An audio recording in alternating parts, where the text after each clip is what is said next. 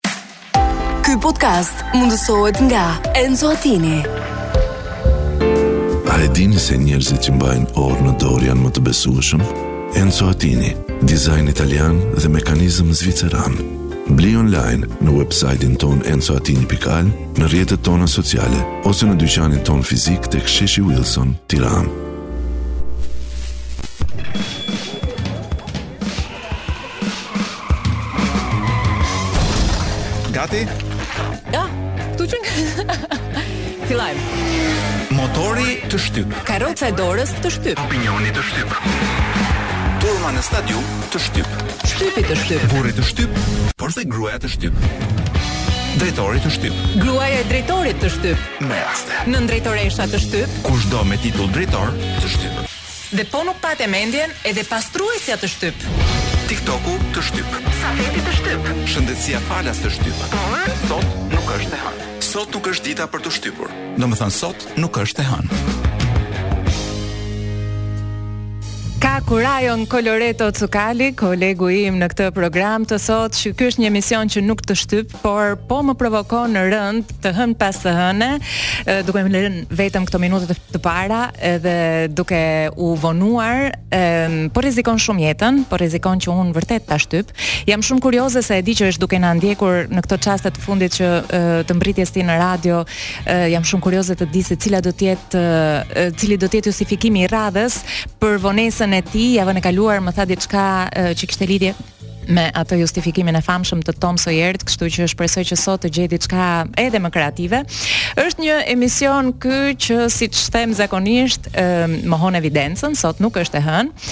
Edhe përveç kësaj, këtu lajmë rrobat e palara jo vetëm të shtëpisë tonë, familjes tonë të Shqipërisë tonë të vogël, por edhe të të gjithë dynjas, të të gjithë botës. Kështu që ka qenë një javë e ngarkuar me shumë ngjarje, si nga vendi ashtu edhe nga bota, të cilat do t'i kalojmë në atë vrimën e hollë të gjilpërës sonë, disi me ironi, disi me shaka, po edhe me një dozë të shtuar serioziteti, por sigurisht se nuk mund ta bëj vetëm këtë. Kështu që me Kolon në mungesë, por me Roin në prezencë të fuqishme në pultin e transmetimit, do ta nisim menjëherë me një këngë që do të jetë e para që do të na shoqërojë për sot, një këngë e fuqishme, ashtu sikurse i pëlqen Kolos, nga Alice Cooper, Spark in the Dark. Dhe si një ndriçim në errësirë është shfaqur përpara meje Koloreto Cukali. Ta dish që jemi të gjithë duke pritur, siç thashë pak më përpara, justifikimin tënd të radhës. Unë nuk mund të them asgjë më shumë seç thoshte John Belushi në një film të vetin. Kishin plasur karkalecat në qytet. Thashë se ujërat. karkalecat. Edhe tubacionet e ujërave të zeza sigurisht. Ti i dashur kolegu im Koloreto Cukali, përfiton sot. Po si vatëm me emër dhe mbiemër do po, të po, si sepse, profesorët kur duan të të ndëshkojnë. I nderuar sepse ë uh, Sot është thonjëza besoj se këtu s'kemi njerëz të nderuar jo, në këtë vend. Po përkundrazi sot nuk ka vend për thonjëza, është dita ndërkombëtare e mirësjelljes dhe ti ke përfituar dhe po abuzon disi deri diku me këtë ditë. ë dhe unë nuk mund të të hakërrehem ose të të kundërvihem gjaknxehtë. Por mund të ma shesësh atë helmin me sheqer, do ta sheqerosur mirë, domethënë. Kështu që të lutem urdhëro. Ë më duhet të them që jam i shokuar Thuaj mundohu që sot ta përcjellim çdo gjë me një lloj mirësjellje, elegancë, dashurie, le të them. Njeriu i vetmi njeri i panjollosur në këtë vend është, po e di. Më duket si kompliment, domethënë, i panjollosur që po. është Kadareja, domethënë, po. një nga njerëzit që kemi pak a shumë kursyer nga mhm. ato topat e baltës dhe të kakës që lëshojnë vazhdimisht lart e poshtë, ë uh, ka bërë një veprim që ka kompromentuar pozicionin e vet. Pra një figurë të lartë të kombit. Ka dalë dhe ka folur, domethënë në një me zë të lartë. Po publikisht. Ëh. Uh -huh. Pra kohë më të papërshtatshme për të folur publikisht sesa kjo nuk ka pasur, por nuk e di pse zoti K Pra një nga këta tanët më të rëndësishme. Pa. Po. i njohur ku di unë me çmime me gjëra, ëh, mm -hmm. ka dalë dhe ka është shprehur për një çështje që unë besoj që nuk i intereson fare. Kjo çështja e po, që është çështja e të ashtuquajturve emigrantë që s'janë emigrantë po janë refugjatë në fakt. Mm -hmm. Po që s'janë as refugjatë po janë kampista. Mm -hmm. Pra kampistat e Shëngjinit. Mm -hmm Ë Befas paskan shqetësuar Kadaren saqë ka dalë dhe ka thënë diçka ku di unë. Jo, ai nuk ishte fare i shqetësuar, përkundrazi, na bën thirrje edhe ne që të mos bëjmë tani sikur uh, secili nga ne nuk ka një të afërm familjar apo dikë tjetër. Atë shqetësimi jonë, shqetësimi jonë ka shqetësuar Kadaren. Eksakt. që me gjithë dashurinë e madhe që kam për atë person dhe për artin e tij dhe për faktin që është uh, nga të vetmet eksporte të të të mira dhe pozitive të Shqipërisë. Po. Do të përmes librit. Ë uh, më vjen një habi shumë e madhe që Kadareja në këtë moshë të thyer vendos të shprehet për një çështje. Ë uh, e cila në fakt është shkon çik për te Kadaresë dhe për për te ku di unë koncepti që ka Kadareja për refugjatët. Kështu që ka shumë pikëpyetje rreth kësaj çështjeje Kolë dhe unë nuk do doja që t'i ngrinim të gjitha sepse dua që ta ruajmë atë, jo, për çështjen e prononcimit të zotit Kadare. Unë mendoj që ata që e ruajnë Kadaren që të mos flasë dhe të mos komunikojë vend e pa vend. Po pra pse? Sepse është i sinqertë. Pa, papritur ekspozojnë. Është në moshë, është në moshë që është i sinqertë. Patjetër. Është E ka fituar të drejtën të jetë i sinqertë dhe me sa kam kuptuar e ruajnë mirë familjarët që sinqeriteti i tij i tepruar të mos shkojë vend e pa vend sepse i keqpërdoret. Qartë. Dhe u ka shkarë nga dora, si me thënë, ka ikur, u ka ikur nga rrethimi. Ka dalë nga rrethimi dhe ka folur. Aty i kam pikëpyetjet e mia, nuk jam shumë e sigurt që ka rrëshkitur, megjithatë, ë ose që ka dalë nga rrethimi. Ëm, gjithsesi ne për këtë çështje do të flasim pak edhe më vonë, kam përshtypjen apo Ne jo? do flasim, jo, ne do flasim, ne do hapim. Ne nuk do donim fare të flisnim në fakt, por kanë folur kaq shumë mediat italiane sa ne nuk bëjmë dot sikur nuk dëgjojmë dhe nuk shohim, se këtu në vendin tonë nuk eh, para preferohet të vihet Jo, në vendin tonë diskutim flasin ose në dyshim. patronazhistët në fakt. se çfarë Eh, vendos Jashtë flasin qeveria. mediat dhe gazetarët. Ë, do flasim shumë pak Për reklamat e, a? Por në mënyrë kont, jo, do flasim pak më vonë mbas një bloku publicitar.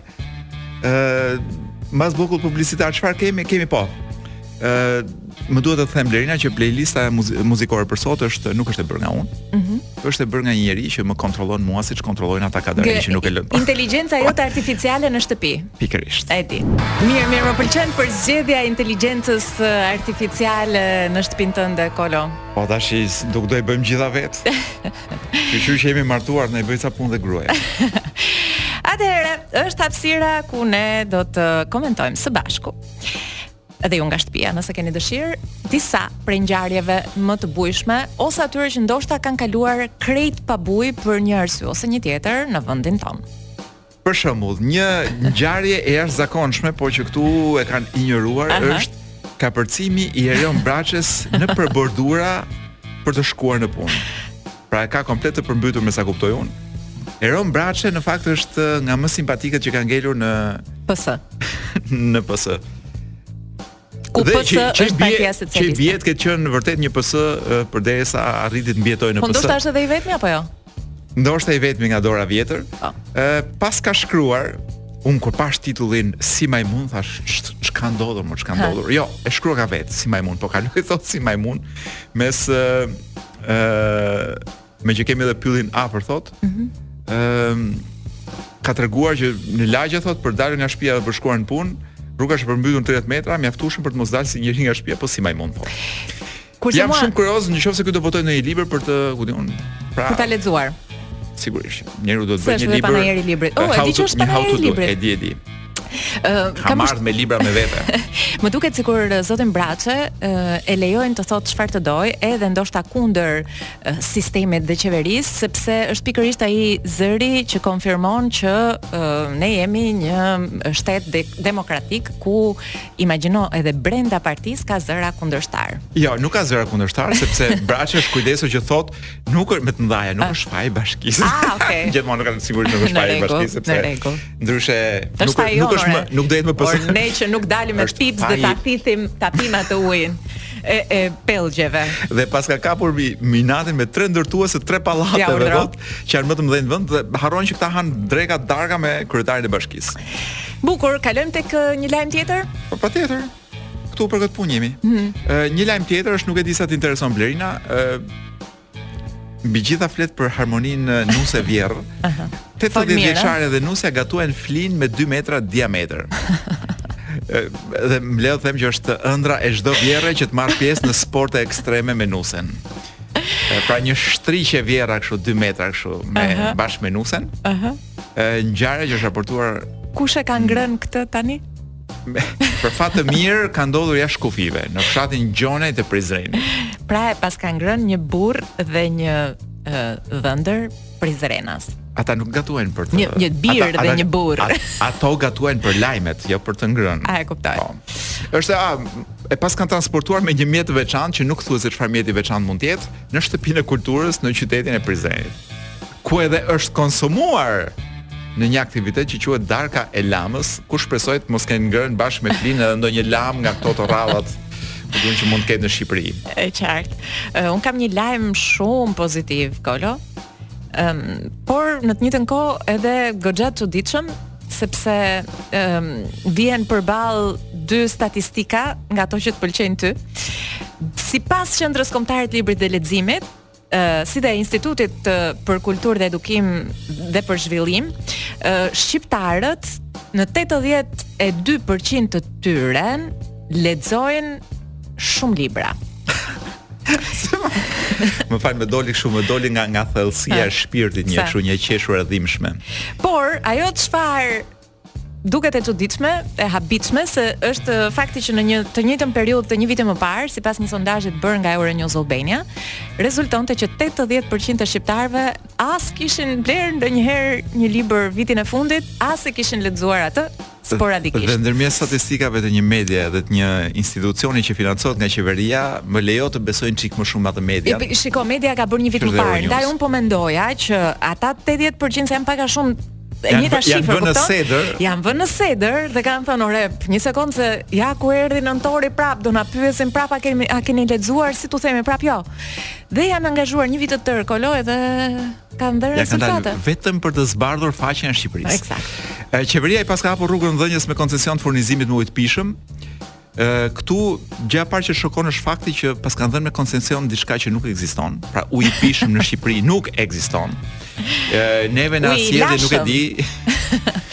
uji shpëlashëm. Dhe mirë po, mirë po është gjëja që është shumë për të qeshur është që uji, mm -hmm. me ç'di unë të paktën për Tiranën, nuk e di për vendet e tjera të Shqipërisë. Uji për Tiranën është e vetmja, është nga institucionet e pakta të bashkisë që është fitimprurës. Mm -hmm. Pra se pse duhet të japësh me koncesion diçka që funksionon dhe është fitimprurës unë, nuk e di, po nejse. Kush jemi ne për të gjykuar? Ne nuk kuptojmë fare. Për të gjykuar ata që kanë si me thënë trurin e të vjedhurit e kanë shumë më lart se ne dhe ne s'arrijmë t'i kuptojmë dot. 42 krime mjedisore në Gjirokastër. Ëh. Uh -huh. Është kështu lule të këputura. Tjegulla të rëna. Pa ka shumë zjarrvënie, uh -huh. ndërtime në parqe parqe të mbrojtura etj etj. Ë, po më pëlqeu shumë ky titull gazete, po mund të ishte titull edhe ka- i Kadaresë. 42 krime mjedisore në Gjirokastër. Jo, 42 krime mjedisore. Roman policesk nga Kadareja. Por Kadareja s'e ka mendjen tek, opa, ma hoqën. Sa shava edhe një herë Kadarenë, ma hoqën. Një Razilja. telefonatë në studio dhe Razilja dhe na e Razilja. ndërpreu. Unë Dhënien them- e lajmeve të zeza. Ia shpëtuam dhe një të hëne tjetër. Si urdhëroni? E dashur Blerina, ti po më thuaj që kemi panair libri. Po, së shpejti. Po.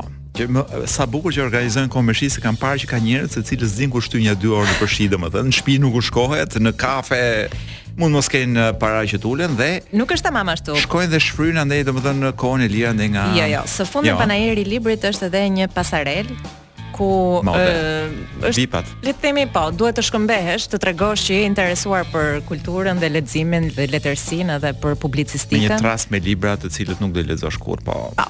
Po, po ke taksur që do të harxhosh ca lekë, po.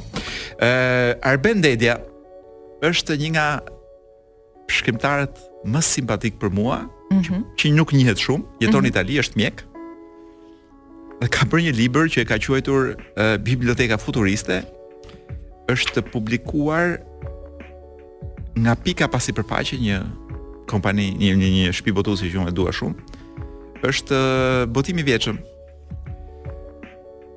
Dhe çfarë ka bërë në këtë libër, se është shumë e rëndësishme ta them. Edhe ti je nga ata që s'kan lexuar vetë dhe po lexojnë këtë vit, atë librin që blen vetë. Dedja është, jo, po nuk e dija, uh, nuk e kisha kuptuar që kishte dalë në në ah, shitje. Çfarë ka bërë? Ka bërë ah. kopertina librash. Në jetën e tij. Jo, jo. Ky libër mm -hmm. është në fakt kopert. Mrapa çdo libri ka një përshkrim, mm -hmm. një copë nga libri dhe dikush që komenton po, librin. Po, qartë. Ky ka bër, gjithë librin është me kopertina librash ah, të tjerë që nuk ekzistojnë. Oh, sa e bukur. Pra ky ka bër kopertinën e librave që nuk ekzistojnë, thotë mbase do i shkruaj dikush ndonjëherë. Kështu që un përzgjodha nja dy për sot. Ëh, hmm? një libër për shembull që mund të ekzistojë nesër dhe çfarë do ketë të shkruar libri i Micho Gemtës në kopertinën e tij të mbrapme. Po, libri i Miço Gemtës me titull Edhe bar do të ham. Ah, bukur. Po- Arti i kuzhinës, është një libër. Më duket se kanë shkruar këtë. Është një libër për artin e kuzhinës, nuk e di. Dhe ja ç'shkruhet mbrapa këtij libri joekzistent. Aha. Kur në vitin 1966, kritiku i artit Miço Gemta u ul të shkruante librin që kemi sot ndër duar, ishte 39 vjeç. Aha. Diktatori sapo kishte shqiptuar frazën e tij famkeqe që shkrimtari ynë e adaptoi për titull, sepse iu duk ideale, do të shkruante një libër recetash kuzhine me barërat e shumëllojshme të maleve e lëndinave tona. Po e përpilonte pa e ditur që bëhej kështu pararendës i kuzhinës vegetariane në Shqipëri dhe në botë.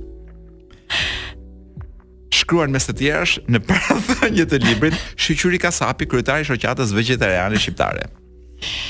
Për ata që janë mësuar të njohin librat e kuzhinës si voluminozë, të mërzitshëm, me receta të parealizueshme dhe terminologji teknike, këtu do të zhgënjehen këndshëm. Stili është ai i një shkrimtari të madh, që ka artin e fjalës të lehtë, një muhabet mes miqsh, duke gatuar rreth zjarrit ca receta të jashtëzakonshme sekrete, pjellë e një dije okulte të magjepsur. Dhe ja, dhe ja receta që ka brenda libri. Skordhan me bar squfuri.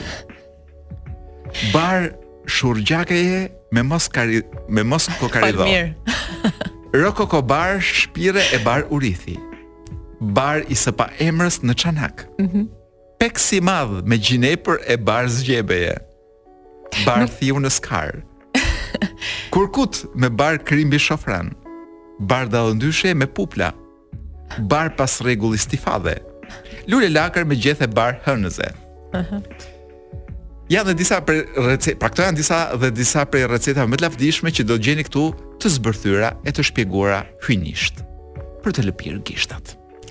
Tani do kaloj te një libër tjetër. Aha. Uh -huh. Mund të kisha lexuar ndoshta edhe kopertinën e librit të Koli Gjokës, Balada Shfryr Lotësh. Poezi, vepra e plotë, por jo. Po. Jo, po shkoj diku tjetër, pa po e mbaj po, këtë për më vonë. Pra, kopertina e librit të Zenon Çelës. Mhm. Mm Fobitë e shqiptarëve, ah. ese, oh. studim. Decidofobia, eleuterofobia, ithyfalofobia, placofobia, lista është e gjatë. termat të ndërlikuar. Kryesisht janë fobi të trashëguara direkt nga koha e diktaturës. Decidofobia është frikë nga vendimet, e çdo lloji, me version ekskluziv shqiptar, klenumofobinë dhe me një degëzim të tretë, rabdofobinë, frikën se mos kritikohesh rëndë. Demofobia ose enoslofobia është frika nga mitingjet. Dikefobia është frika nga drejtësia, ose mjaft e ngjashme, liticafobia, frika nga proceset gjyqësore. Eleutherofobia është frika nga liria, ithyfalofobia, frika nga ngritja e flamurit kombëtar dhe fronemofobia, frika nga të menduarit. Optofobia, frika për të hapur sytë. Placofobia, frikë nga lapidarët. të vjetër dhe të rinj, e kështu me radhë. Mm -hmm.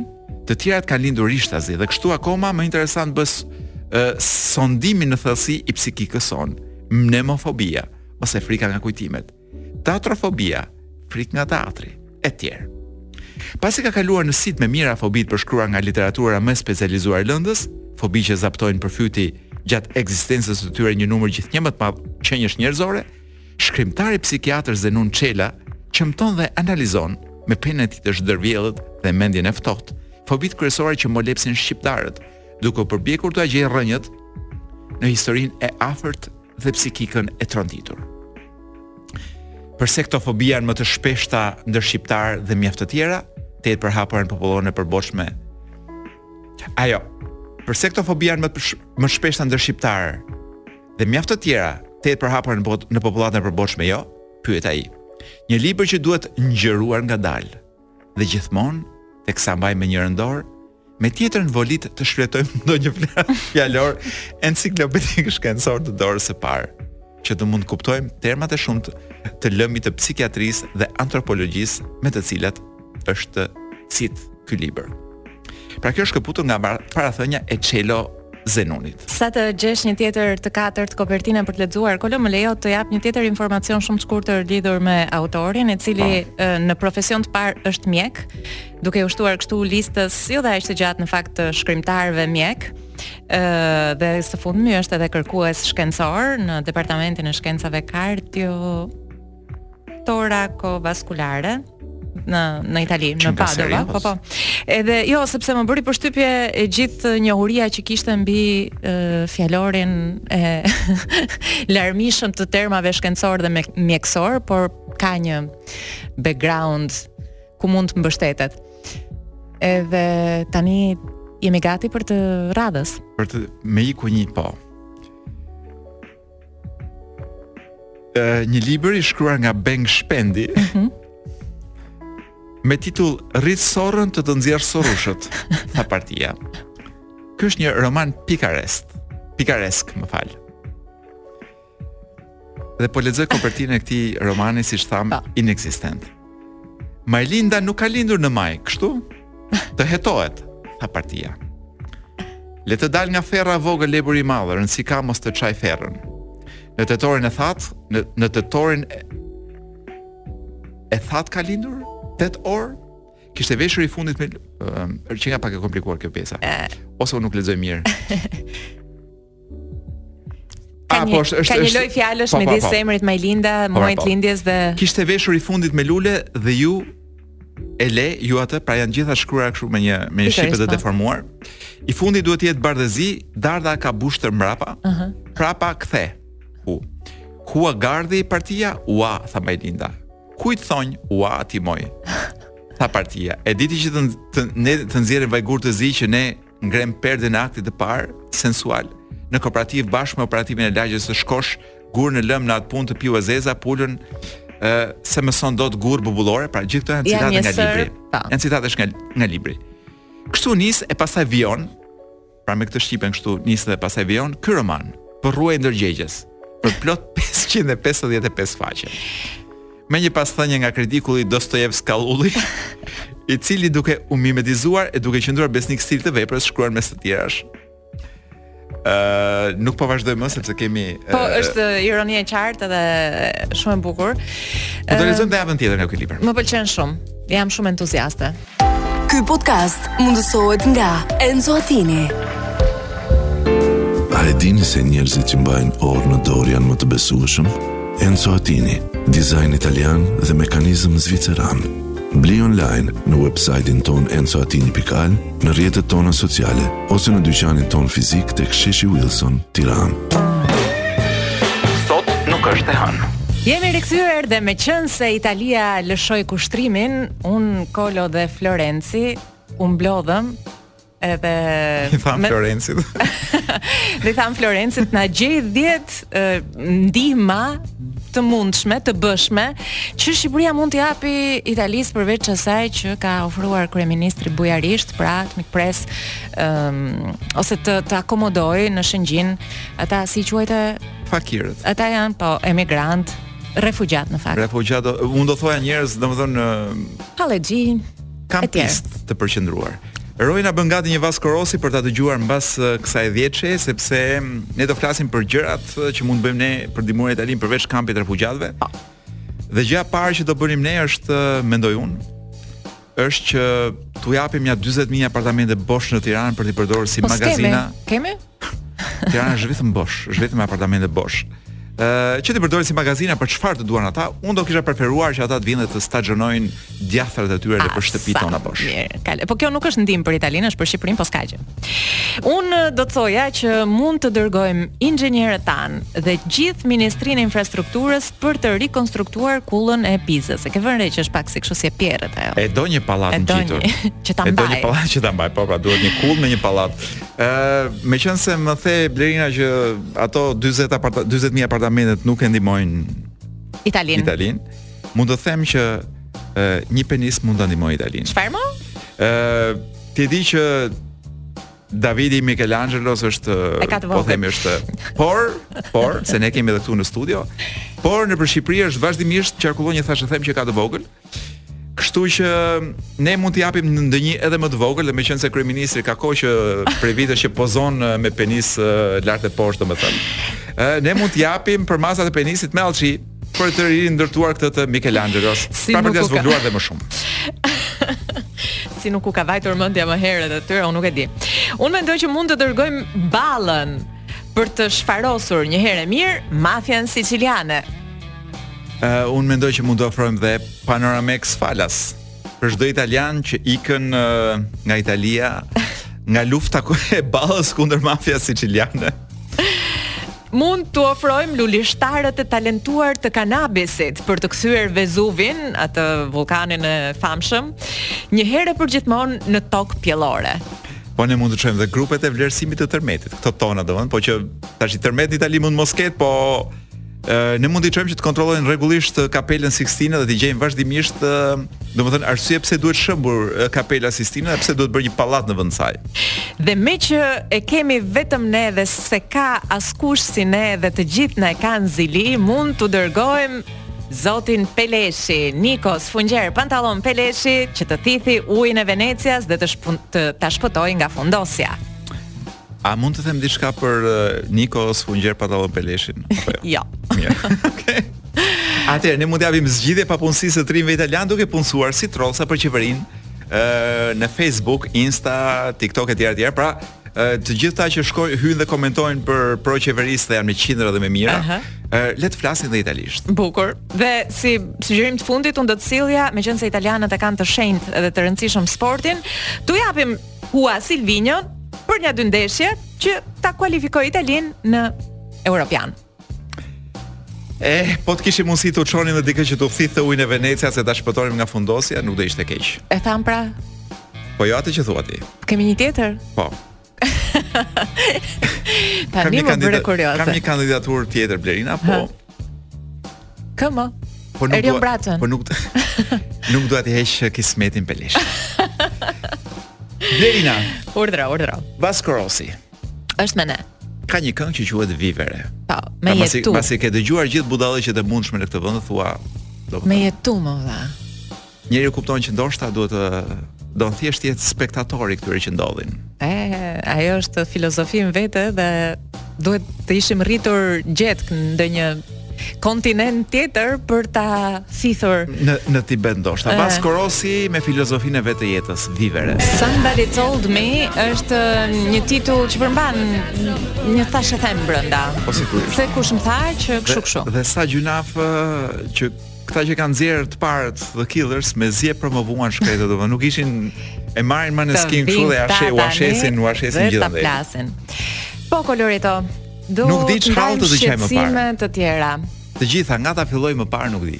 Unë imagjinoj që nëse do të isha duke dëgjuar këtë emision nga makina ime, shtëpia e tjera, do të thoja obobo prapë me halle. Tani ne i parashtrojmë këto uh, shqetësime në mënyrë që të fillojmë të mendojmë pak ndryshe.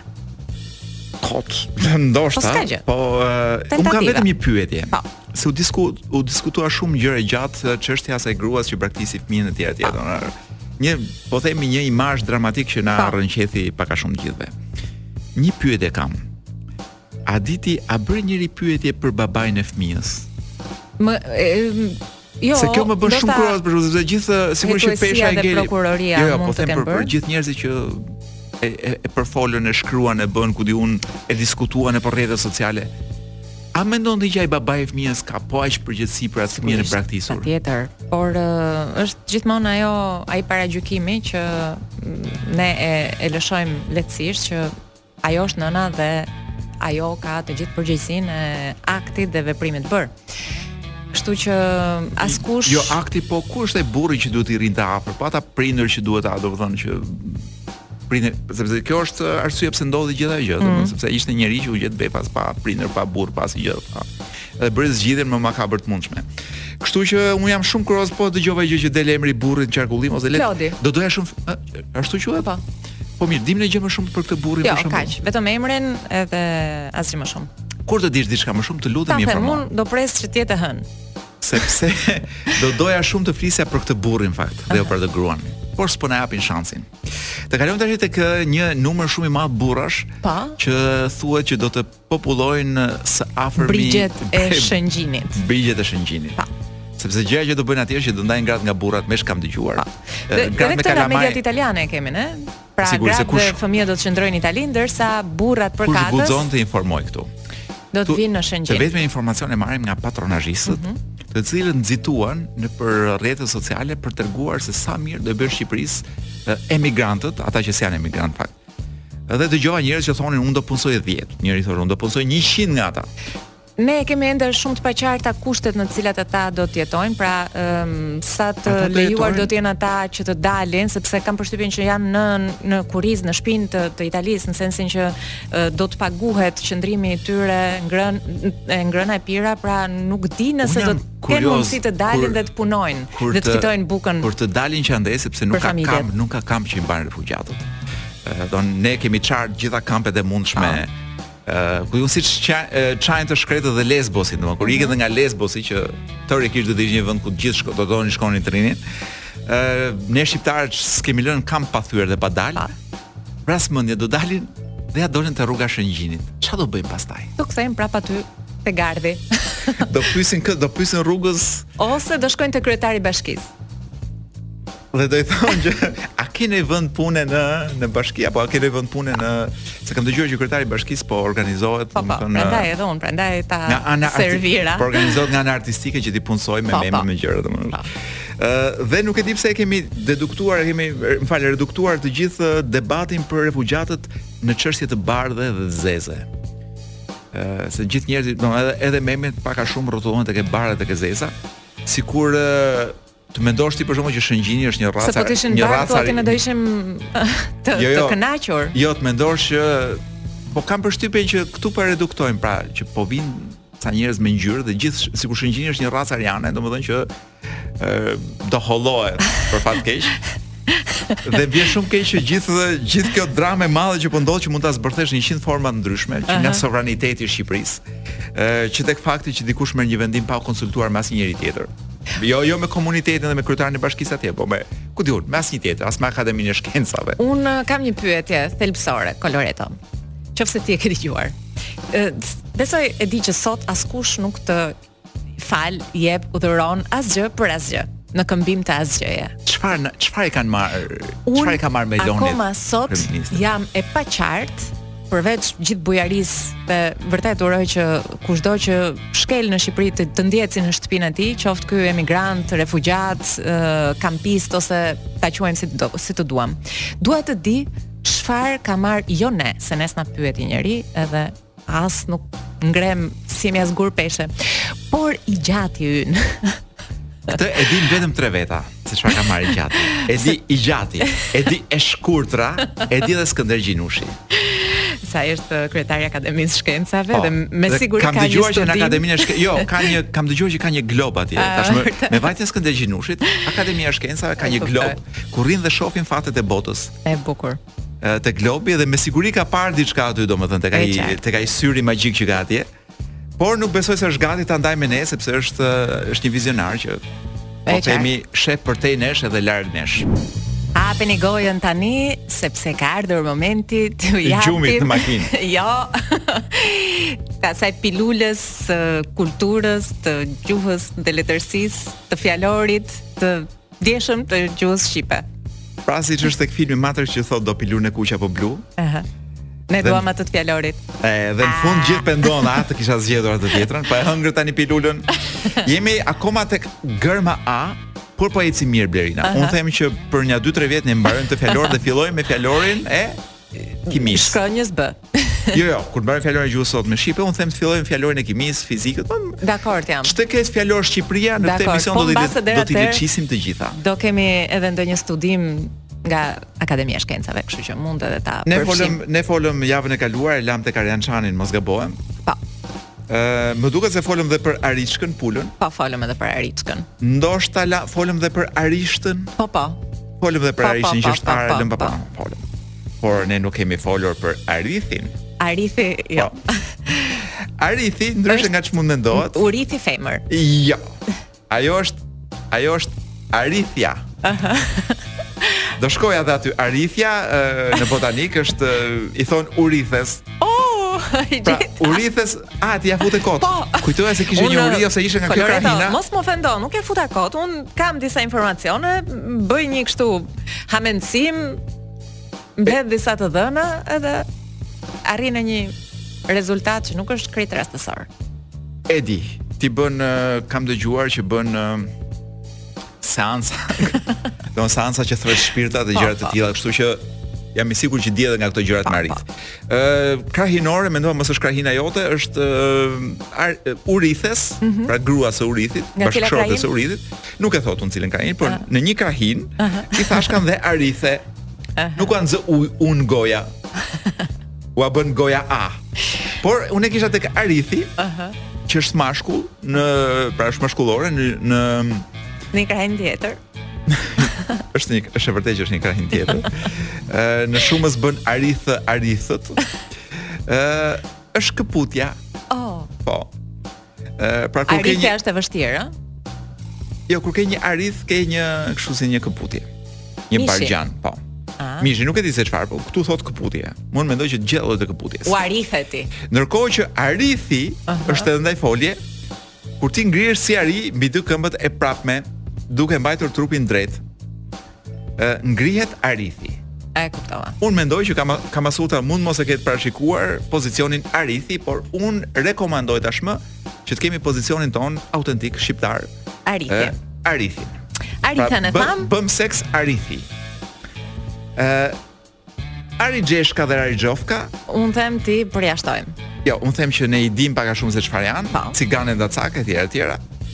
Por më pëlqeu t'i them sepse ëm Po nuk jam janë... politikisht korrekt si terma, kështu që ëm janë në fjalorin e gjuhës sotme shqipe. Po janë të djeshme. Po, mund t'mos i përdorësh, po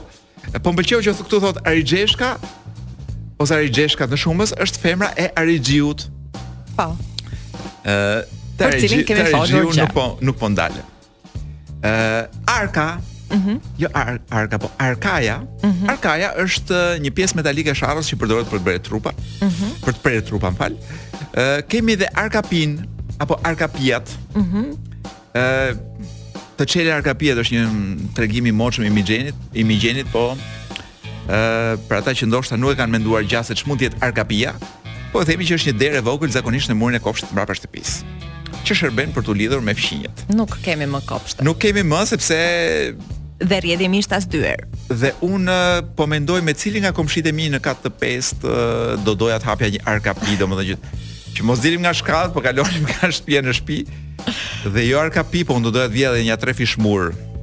Sepse komshiu im, njëri nga mhm. komshitë e mi Blerina nuk jeton vetëm në apartamentin e vet, por ia ka lëshuar uh, apartamentin pa qera nja 400 pëllumbave. Pra rrit pëllumba në apartamentin ngjitur me mua, dikush rrit pëllumba. Qartë. Kështu që unë s'mund të kem arkapi me atë zotrin. E kuptoj. Arkëpunues është një zdrukthëtar që bën arka për nuse. Mhm. Mm Kështu e thot këtu, nuk e di po, pse nuk bën arka, arka për të tjerë. Okej. Okay. Ky i bën, ky arkëpunuesi i bën vetëm për nuse. Arka për nuse atëre. Jo, është arkëpunues. E qartë. Mm. Po ti e bëre shumë bukur lidhjen. E di. Është një fjalë e vjetër, ndoshta arka për nuse, mbase e fusnin nusen në arkë dhe ne s'dimë gjë.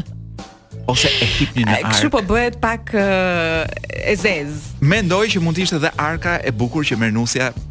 Nusja ime nuk ka sjellë arkë të tillë dhe nuk dhe dhe në jetë më të mirë. Dhe s'më vjen e keqja, por dikur nusja ndoshta sill sillte një arkë të bukur të punuar me kujdes domethënë. Eh mund të jetë sënduk, po këtu nuk po e. Po do ta zbulojmë te s-ja.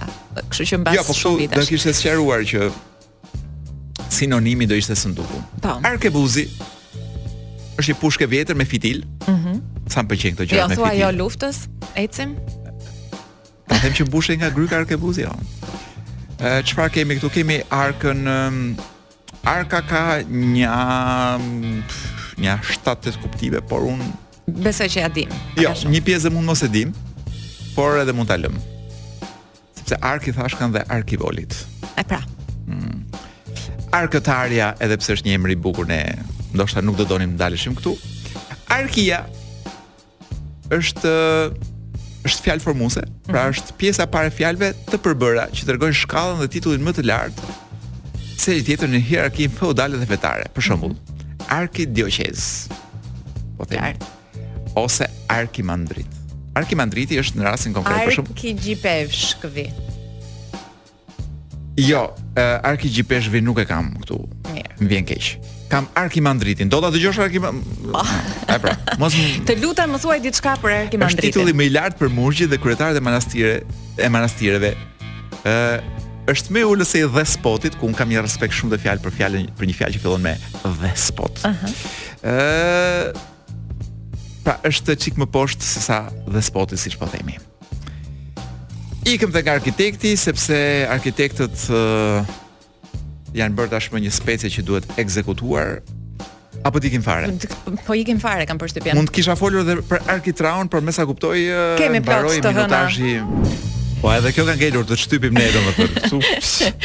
Dëgjo Kolo, unë nuk e di se kush ia ngre nervat kryeministrit dhe bën që ai të të duhet të thotë gjëra që as vetë nuk do donte t'i t'i nxirrte nga goja. Tani unë nuk e di në cilën situatë është gjendur uh, që duhet të thoshte që 4000 400.000 lekë rrogë nuk janë pak. Pra kjo është fraza e javës që kemi përzgjedhur. Kjo është fraza që kemi përzgjedhur dhe ka thënë ka, ne kishim përzgjedhur diçka tjetër, në fakt një tjetër perlë nga një tjetër personazh i politikës tonë, por uh, kryeministri gjithmonë po pra po. Ia del të ngrihet në majë të po, klasifikimit. Po, frazat e tij në burg A e thua të plot, të lutem. Shiko tani se që ta kuptoni jo, jo mirë. Jo, jo gjithë fjalimi i tij gjatë, jo, jo, po një jo, fjalë para. Jo, jo, duhet kuptoni mirë që siç thotë kryeministri, 400 mijë lekë nuk janë pak, edhe janë plot 400 euro. Pra kuptojmë që kurrë kryeministri nuk nuk shkon ndonjëherë për të këmbyer lekë me euro dhe mbi të gjitha kuptojmë që kryeministri mendon që 400 euro janë shumë. Jo. Unë mendoj 400 euro janë 405 mijë lekë pak a shumë, ë? 410 mijë lekë. Ne kuptojmë që kryeministri nuk eh, ka një kurs të vetin. Nuk paguan më për asgjë vetë. Pra nuk fut dorën, unë besoj që nuk ka lekë nëpër xhepa Aha. dhe unë nuk besoj që ai fut më dorën në xhep po nuk ka- për të paguar as edhe një kafe, jo më. Te të vetët, atëherë për te tonat.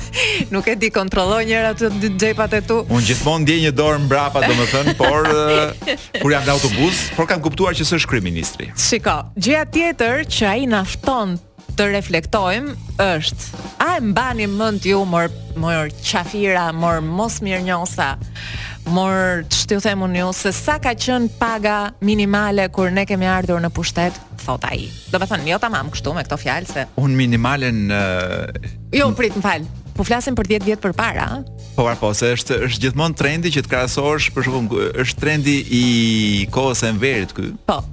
Që ti të krahasohesh me një gjë që ka ndodhur 200 vjet përpara. Po. Për shembull, në kohën e Enverit edhe në 89-ën krahasoheshin me 38-ën. Po, por unë me këtë logjikë do ta ftoja madje kryeministrin që ta zgjerojë, ta hapi krahun akoma më shumë dhe domethënë të, të, të, të ftojë të mendojnë edhe italianët dhe grekët edhe po gjermanët se sa ua ka rritur rrogën atyre në këto 10 vitet e fundit që ai ka ardhur ai atyre u flet a, a, pra nuk na flet ne i thotë atyre a mbani mend sa keni pas rrogën kur erdha unë në pushtet ashtu dhe pra në të njëjtin ne jetojmë në një vend ku fati i zi i njerëzve që rroga me të cilën futen në punë është rroga edhe që do vdesin në atë punë.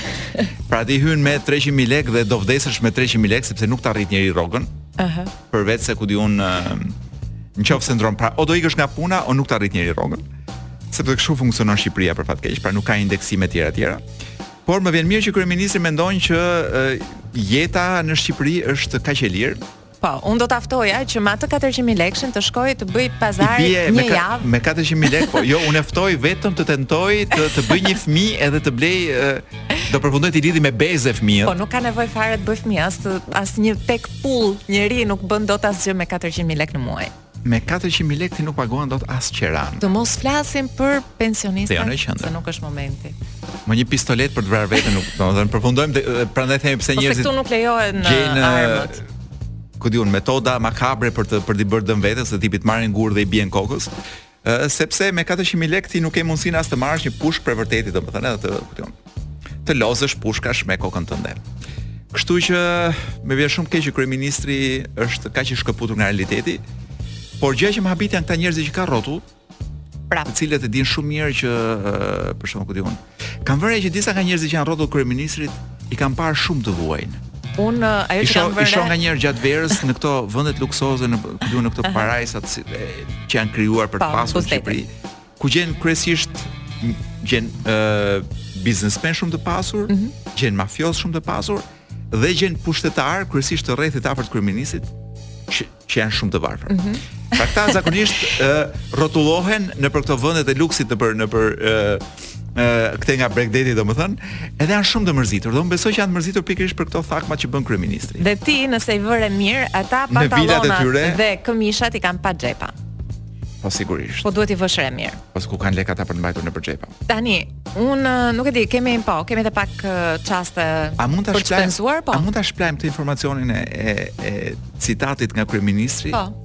Me një shplajmë. informacion, po, me informacion që mua m'u duk shumë i bukur. Po. Himara na qenka banuar nga ilirët. Po, po, po. 3500 po. vite më parë. Kto janë ato gjëra që duhet i themi me zë të ulët, kolo, sepse aty fap ndërtohet një kullë tani. Jo vetëm kaq, po un po them te kjo tuma e ilirëve është zbuluar një tumë ilire që mm -hmm. i përket periudhës së hekurit. Mm -hmm. Pra në Shqipëri ne paskemi dikush ka ditur të përdorë hekurin. Mm -hmm. Ne përveç uh, Instagramit dhe Facebookut nuk dimë të, të, të mhm. përdorim asgjë tjetër. Ëm mm -hmm. um, dhe më pëlqen, nuk e di çfarë mund të bëjmë me këtë tumën para se ta shkatërrojmë. por thashë, po sikur këtë Belerin e famshëm ta, ku di un. Kur të dal nga burgu gjithmonë. Si vjen T'i themi të shkojë të betohet si kryetar bashkie mbi tumën ilire. Ç'mendim ke domethënë. Un do ta mbaja uh, kuriozitetin e njerëzve në këtë pellg të vendit tonë larg këtyre vendeve kaq të çmuara Pra ti je që ne të mos themi që u gjet një po, tumë po, sepse po, do të gjendet menjëherë një biznesmen që do vendosë që të shkojë dhe t'i marrë leje kryeministrit për ndërtuar mu sipër tumës. Ose Të të zhduket tuma papritur. Ëm um, Kemi mbërritur në fund edhe të këtij minutazhi. Kemi oh, pak minuta në fakt. S'mund të flas për policët e për fëmijët e policëve të Ukrainës që do vijnë të shkretët për të vuajtur. Jo, nuk them dot. Mirë. Jo, me këtë. Po mirë. Ja ku jemi, na është bashkuar Albana. Mirë se oh, erdhe, oh, dashur. në fakt po flisnim për flokët, edhe po pyesja Kolon sa herë Në muaj qethesh Kolo se çunat ankohen shumë për çmimet e berberëve. Albana nuk të kemi thënë, por në këtë emision ne kemi vendosur të bëjmë gazetari serioze. Ju kërkojmë ndjesë. Kështu që kemi një set pyetjesh për ty. Sa serioz u bëre? Më trëmbe. A je ti Albana për një lëvizje underground politike këtu në Shqipëri që të ndryshojë kursin e futjes së Shqipërisë në Bashkimin Evropian? Po jam. Jam për diversitet, jam për zhvillim, jam për integrim, jam për uh, përforcim të marrëdhënieve ndërkombëtare, patjetër edhe me ato europiane dhe sigurisht mendoj se integrimi ka nevojë që të përforcohet edhe që të jetë totalisht i yni, ka nevojë që të përfshijë të gjitha kulturat. Të tre fjalë të fundit shtove kot, se ishte shumë bukur më parë. Po pse un jam pro? Pra ti je pro. Po. Nuk kam frikë unë nga e huaja, nuk kam ende stereotipe të tilla. Pra nuk ke frikë nga integrimi në jo. Evropë. A ke frikë që do të na pushtojnë LGBTQI-ja nëse ne futemi më shumë në Evropë se sa duhet? Ata mund të futen më shumë brenda nesh. Po ti mos e ki shumë serioze. Okej, okay, ju kërkojm prap ndjes. Po fjala frikë dhe LGBTQI dhe pushtim nuk e di, më më bën një Një turli mendimesh më japin edhe. Po megjithatë, megjithatë, e qeshura është qëndrimi më serioz në situata komike, you know.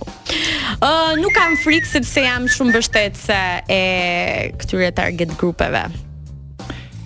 Ë, uh, cili mendon që do jetë fundi, fundi do mm -hmm. e ardhmja po themi, cila mendon se do të jetë e ardhmja e Hamasit.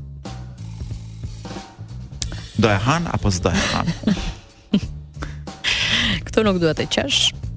Se di, kjo mendoj se është uh, pak më deep dhe më e thellë nga ana politike dhe Pra nuk do të prononcohesh me sa kuptoj. Për këtë nuk kam një opinion se mendoj që nga puna. Jo. Apo të largohen fansat.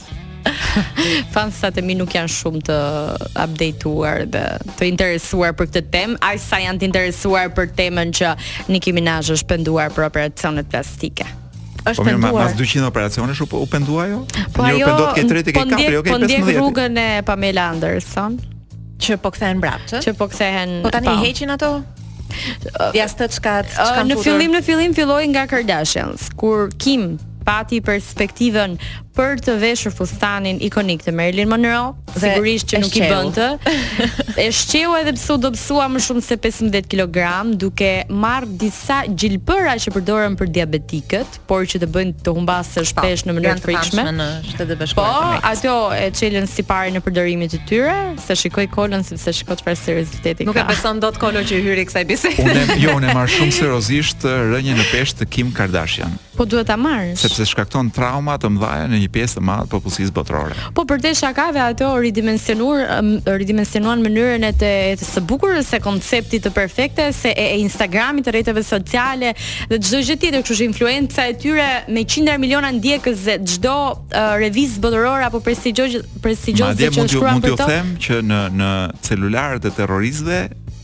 Janë gjetur edhe foto të Kim Kardashian. Po pse jo, pse jo? Do t'i bombardojnë të pasmet e për. Po, ndoshta është jo, unë mendoj trajnimi që i bëjnë atyre për të për të shpërthyer bomba. Mhm. Niset nga ka në përbërë trajnimi ka në përbërë edhe një çik domethënë stilin e Kim Kardashian të bombardimit. Edhe Niki Minaj nuk mbetet pas, se është një nga femrat më bombastike të showbizit botëror. Para gjithmonë. E kuptoj ti do flasësh gjatë në në lanço tani për për Niki Minaj, për të tjerë personazhe. Dhe ato janë informacione që Albana nuk do i fusin në lanço. Janë tepricat dhe po i hedh këtu po do. Është zhavor që po e shkarkon te emisioni. Ja çon zgjen sa gjëra të tjera kjo. Janë ato qime të qepëve që i presim. Dëgjo, meqenëse ti ke këta flokë kaq të gjatë dhe meqenëse sfida më e fundit e TikTokut është ti lash një herë në 30 ditë për të të ndenjur flokët më bukur. Të na japësh një opinionin tënd të fundit për këtë çështje madhore? Çështjet në dukje që mund të kenë pak kontent shakaje. Njeh tjetër në radio që e po e, po e bën këtë sfidën e TikTokut. Unë njoh nja dy. Me të vërtetë? Unë uh, i shoh nga lart, nuk i njoh. nuk pranoj t'i njoh ata që merren me një sfidë 30 ditore antidush. Gjithsesi, nëse futesh tek TikTok mund ta gjesh. Jo, gjithmonë është thënë që duhet të, të flokët të lahen pak më rrallë po për jo të gjëra. Po, po jo ka çfarë gjëra, Albana, flokët nuk duhen larë. Flokët dhe xhinset nuk duhen larë kurrë. Ah, e kanë thënë e kanë thënë hipit që në vitet 60. Ç'është kjo këngë e bukur që po vë? Arctic Monkeys për ah, të përshëndetur publikun tonë prej dy vetash, mamaja e Blerinës dhe mamaja ime. Po. Edhe është një legjendë në artikullin. Publikut të Albanës do të dërtojë të Albana Ruçi me Lançon e do të rikthehemi të hënën që vjen, sot nuk është e hënë. Puç puç. Ky podcast u mundësua nga Enzo Attini.